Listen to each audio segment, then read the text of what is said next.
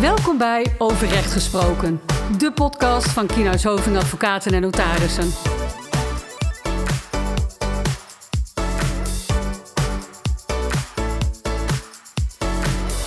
Welkom bij weer een nieuwe aflevering van Over Recht Gesproken. Wie zitten er vandaag aan tafel? Mijn naam is Christina Adam En mijn naam is Tom Pol. En we gaan het vandaag hebben over de contractuele boete. En dat doen we omdat er eh, recentelijk een interessante gerechtelijke uitspraak is geweest hierover. Over het, eh, over het leerstuk van de matigingen van de boete. Dus kan de boete door de rechter omlaag worden bijgesteld? Inderdaad, daar gaat het vandaag over. Maar wie zijn we eigenlijk? Wie zijn wij eigenlijk inderdaad? Precies. Nou, ik zou zeggen, dames gaan voor. Dankjewel. Nou, mijn naam is Christina Adam. Dit is mijn debuut. Dat is mijn eerste podcast die ik vandaag Yes. opneem.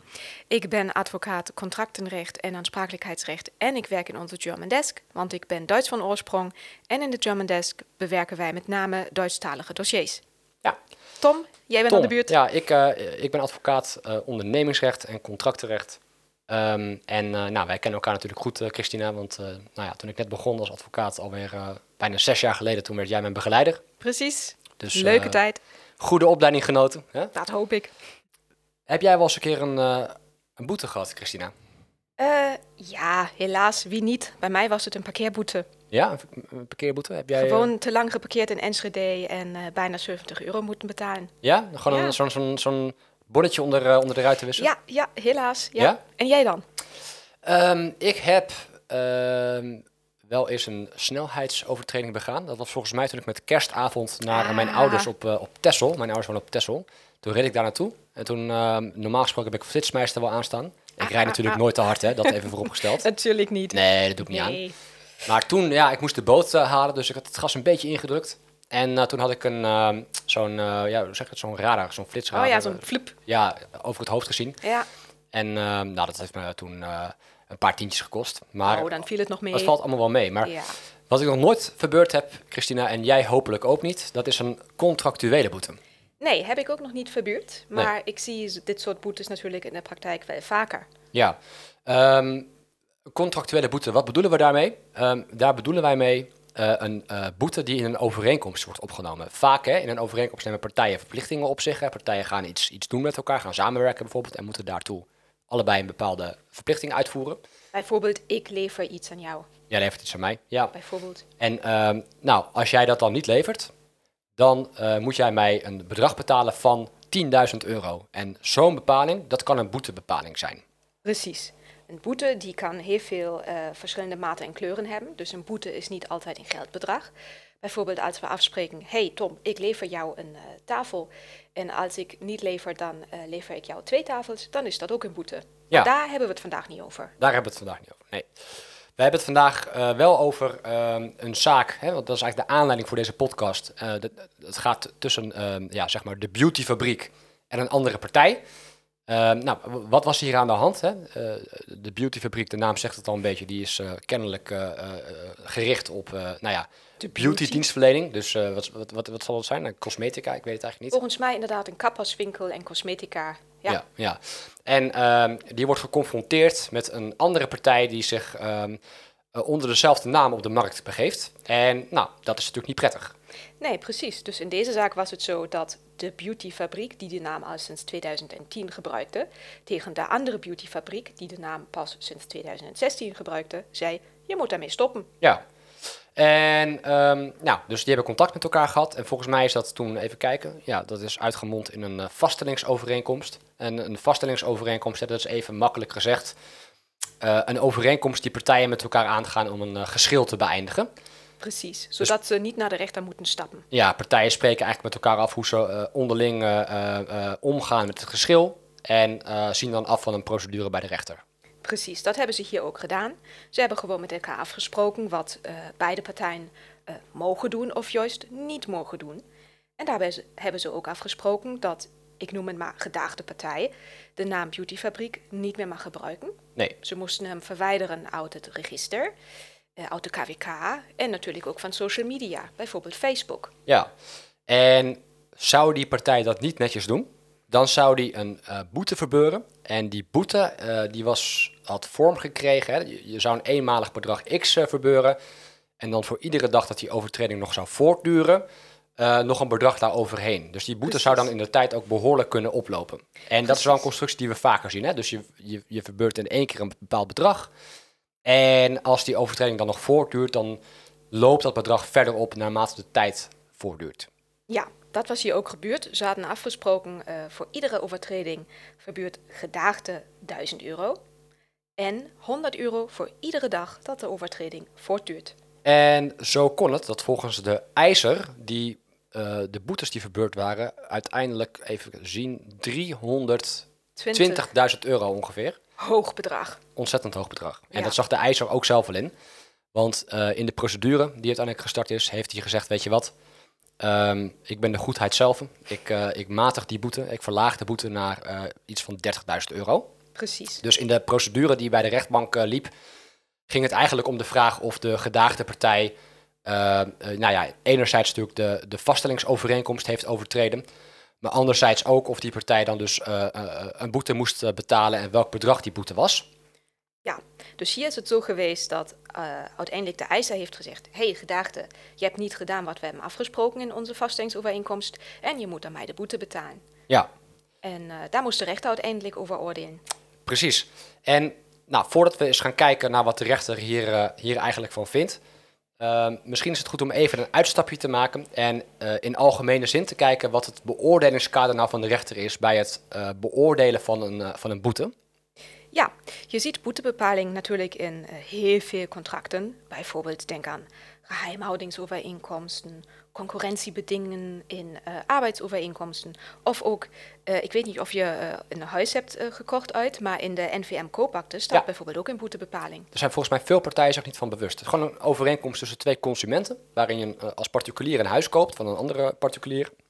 Dat je gewoon geconfronteerd kunt worden met torenhoge boetes als je niet netjes nakomt wat je moet doen. Precies, volgens mij is het uh, eh, 10% van de koopprijs. Ja. Ja, en dat is een standaard boete, noem ik hem maar, die door de rechter ook uh, wordt geaccepteerd, dat die, ik zeg maar, redelijk is. Ja. Nou, over de redelijkheid van de boete, daar hebben we het zo nog over. Maar even nog kort terug naar de boete. Ja. Waarom nemen partijen een boete op? Nou, ik kan daar uh, wel wat redenen voor bedenken, Christina. Want um, als ik met jou een contract sluit, um, en jij moet mij uh, iets leveren, hè, dan wil ik graag zeker weten dat jij dat ook doet. Ik wil een soort stok achter de deur hebben. Ik wil een soort extra prikkel hebben waarom jij genegen bent om jouw verplichting netjes na te komen. En dat is dan de boete? Dat is de boete. Mm -hmm, dus ja. eigenlijk is dat hè, de eerste reden om een boete af te spreken. Je wil graag een stok achter de deur, oftewel een nakomingsprikkel hebben. Ja. Een andere reden, wat nou als jij niet doet wat we afgesproken hebben? zou ik natuurlijk nooit doen. Dat zou je nooit maar doen. Nee. ik kan me goed voorstellen dat als ik niet doe wat we hebben afgesproken, dat je daardoor schade leidt. Ja, precies. En nou, soms is het best wel lastig om die schade uh, uh, in financieel opzicht te begroten. Hè? Dus om te bepalen uh, hoe hoog die schade nu is. Denk bijvoorbeeld aan een geheimhoudingsovereenkomst. Ja, zeker. Wat is dan jouw schade als ik de geheimhouding schend? Als ja. ik met geheime gegevens de straat op ga? Als wij met elkaar een, een, een, een koopovereenkomst voor iets sluiten en jij gaat tegen de overeenkomst in aan een, aan een andere partij vertellen over die koopovereenkomst, ja, dan is het voor mij heel moeilijk ja, om aan te duiden welke schade ik daardoor geleden heb. Terwijl het wel een, een, hele vervelende, nare overtreding van de verplichting is. En daarvoor kunnen we dus ook een boete opnemen, waarin we bepalen eh, dat de schade het boetebedrag is. Ja, dus eigenlijk is, is dan het boetebeding een soort van vooraf bepaalde schadevergoeding, om het zo dat, te zeggen. Uh, dat lijkt me echt een goed idee om vaker te doen. Ja. Maar kun je naast die boete dan ook nog uh, schadevergoeding vorderen als je de, de schade toch weer kunt aantonen?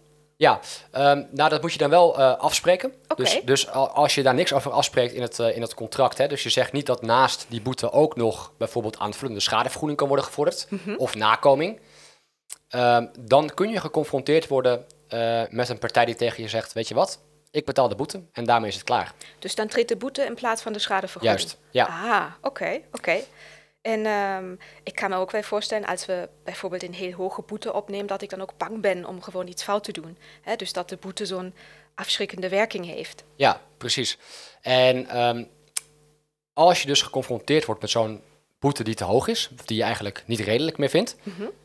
dan kun je naar de rechter stappen. En dat is hier ook gebeurd, Dat toch? is hier ook gebeurd in deze zaak.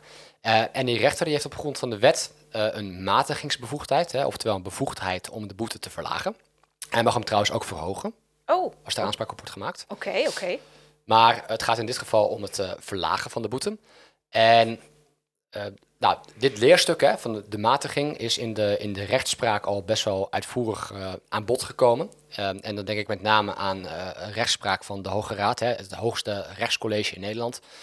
Ehm, eh, die hebben meerdere eh, arresten gewezen waarin ze eigenlijk hebben ehm, uiteengezet hoe de rechter moet omgaan ehm, met eh, eh, een vraag om een boete te matigen. Ja, volgens mij is het toch zo dat er wordt gezegd, de rechter kan de boete altijd matigen. Hm. Ook als partijen afspreken dat het niet kan worden gematigd. Precies. Dus als ik met jou afspreek, Christine, dat wij een niet voor rechterlijke matiging vatbare boete afspreken van bedrag X, dan kan ik een probleem hebben. Oké, omdat dat gewoon niet geldig is, dan is het nietig. Dat is een nietige bepaling. Eh, en nou ja, je, je kunt verschillend aankijken tegen de vraag wat het gevolg is van het afspreken van zo'n nietige bepaling. Is de bepaling dan helemaal weg? Ja, dat is, dat is dus een beetje de vraag, maar dat risico loop je wel. Dat dan dus de rechter de- dat hele boetebeding ehm, buiten beschouwing laat. eh, omdat je dus dat zinnetje hebt opgenomen dat de boete niet voor rechterlijke matiging vatbaar is. Dus dat echt zou ook risico. kunnen. Je kunt anders, je kunt, het zou ook kunnen dat de rechter alleen dat stukje eh, weglaat. Dus alleen het stukje wat je niet mag afspreken. En de boete voor de rest wel intact laat. Maar dan loop je wel een zeker risico. Dus beter maar niet opnemen dan. Beter maar niet opnemen. Ja. Nee. En eh, wanneer kan de rechter dan de, de boete matigen? Ehm, ik heb iets gelezen eh, dat de rechter kan matigen als hij het gewoon niet redelijk vindt. Juist. Ja, eh, het criterium is eigenlijk, hè, ehm, als de boete buitensporig is, naar, naar de mening van de rechter, en daarmee tot een onaanvaardbaar resultaat leidt, ja, dan kan de rechter zeggen van, nou weet je wat, ehm, ik vind het te gek worden en ik ga de boete omlaag bijstellen. Is natuurlijk een beetje vaag. eh, ik Een bedoel, vaag, kan Ja. de rechter dan gewoon zeggen, nou mijn buikgevoel zegt het is te hoog? Of zijn er dan ook eh, criteria voor ontwikkeld in de rechtspraak? Juist, ja.